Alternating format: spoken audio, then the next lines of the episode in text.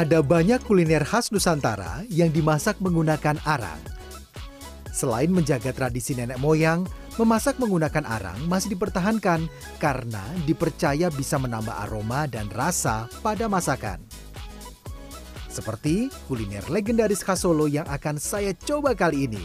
Namanya Tengkleng Pak Manto. Tengkleng adalah kuliner seperti gulai, tapi memiliki kuah yang lebih encer. Bahan dasarnya adalah tulang kambing muda dengan sedikit daging yang masih menempel. Di warung Pak Manto, tengkleng disajikan berbeda dengan bumbu rica-rica.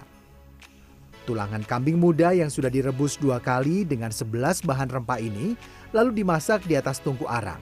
Kemudian ditambah potongan tomat, kol, dan dibumbui cabai, bawang, serta kecap manis. Warung ini buka sejak pagi hingga sore hari dan masih mempertahankan cara masak tradisional menggunakan arang. Tapi ada yang unik nih. Setelah tengklengnya matang, sang koki akan membuang wajan bekas memasak ketong yang ada di depannya. Apa ya alasannya? Itu awal mulanya kan nggak ada, kalau di samping apa di itu kan nggak ada tempatnya. Jadi yang agak luas kan di depan jadi dilemparin ke depan gitu aja sih dulunya. Belum pernah coba sih mas kalau kalau nggak ini selain areng. Dari awal emang udah pakai areng. Jadi cita untuk menjaga kualitas dan cita rasanya gitu. Sepiring penuh tengkleng kambing rica-rica ini Anda bisa nikmati dengan harga Rp65.000. Sajian lainnya yang juga menjadi favorit adalah sate buntel yang juga dibanderol Rp65.000 per porsi. Oh, beda banget. Kalau pakai arang tuh dia kan kayak ada wangi-wangi asapnya gitu kan. Kalau misalnya pakai kompor beda sih.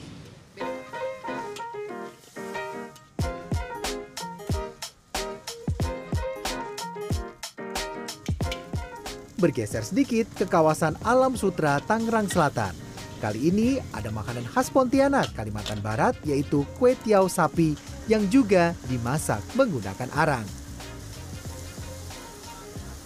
Sekilas, kue tiaw ini seperti kue tiaw kebanyakan ya. Namun yang menjadikannya unik adalah setelah dimasak di atas tungku arang, kue tiaw lalu dibungkus dengan daun simpur. Kue tiaw yang telah dibungkus ini kemudian dipanggang kembali langsung di atas arang yang membara. Nah, kalau orang zaman dulu itu kebanyakannya bungkusnya pakai ini, jarang pakai kertas nasi atau styrofoam. Dulu semua bungkusnya pakai daun begini. Sebelum dinikmati, kue tiaw yang sudah matang didiamkan selama 3 menit agar rasa dan aromanya lebih maksimal. Sebungkus kue tiaw sapi plus telur ceplok di kedai Arang Simpur ini dihargai Rp45.000. Rasanya unik ya, mungkin karena penyajiannya eh, digoreng dulu terus dibungkus sama daun simpur, baru dibakar lagi. Jadi kalau kita sebelum makan mungkin nggak langsung buka. Jadi begitu mau makan kita buka terus aromanya itu keluar. Makanan yang dimasak menggunakan arang dinilai lebih enak karena adanya komponen guayakol pada arang kayu.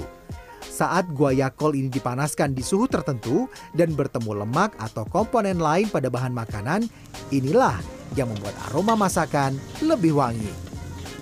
Tak hanya di Indonesia, teknik masak menggunakan arang juga digunakan di belahan dunia lain.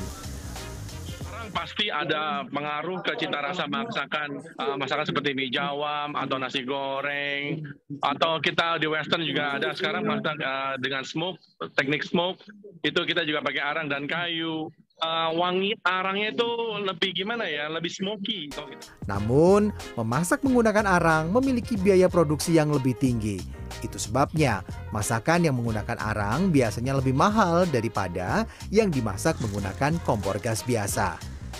Tim Liputan CNN Indonesia.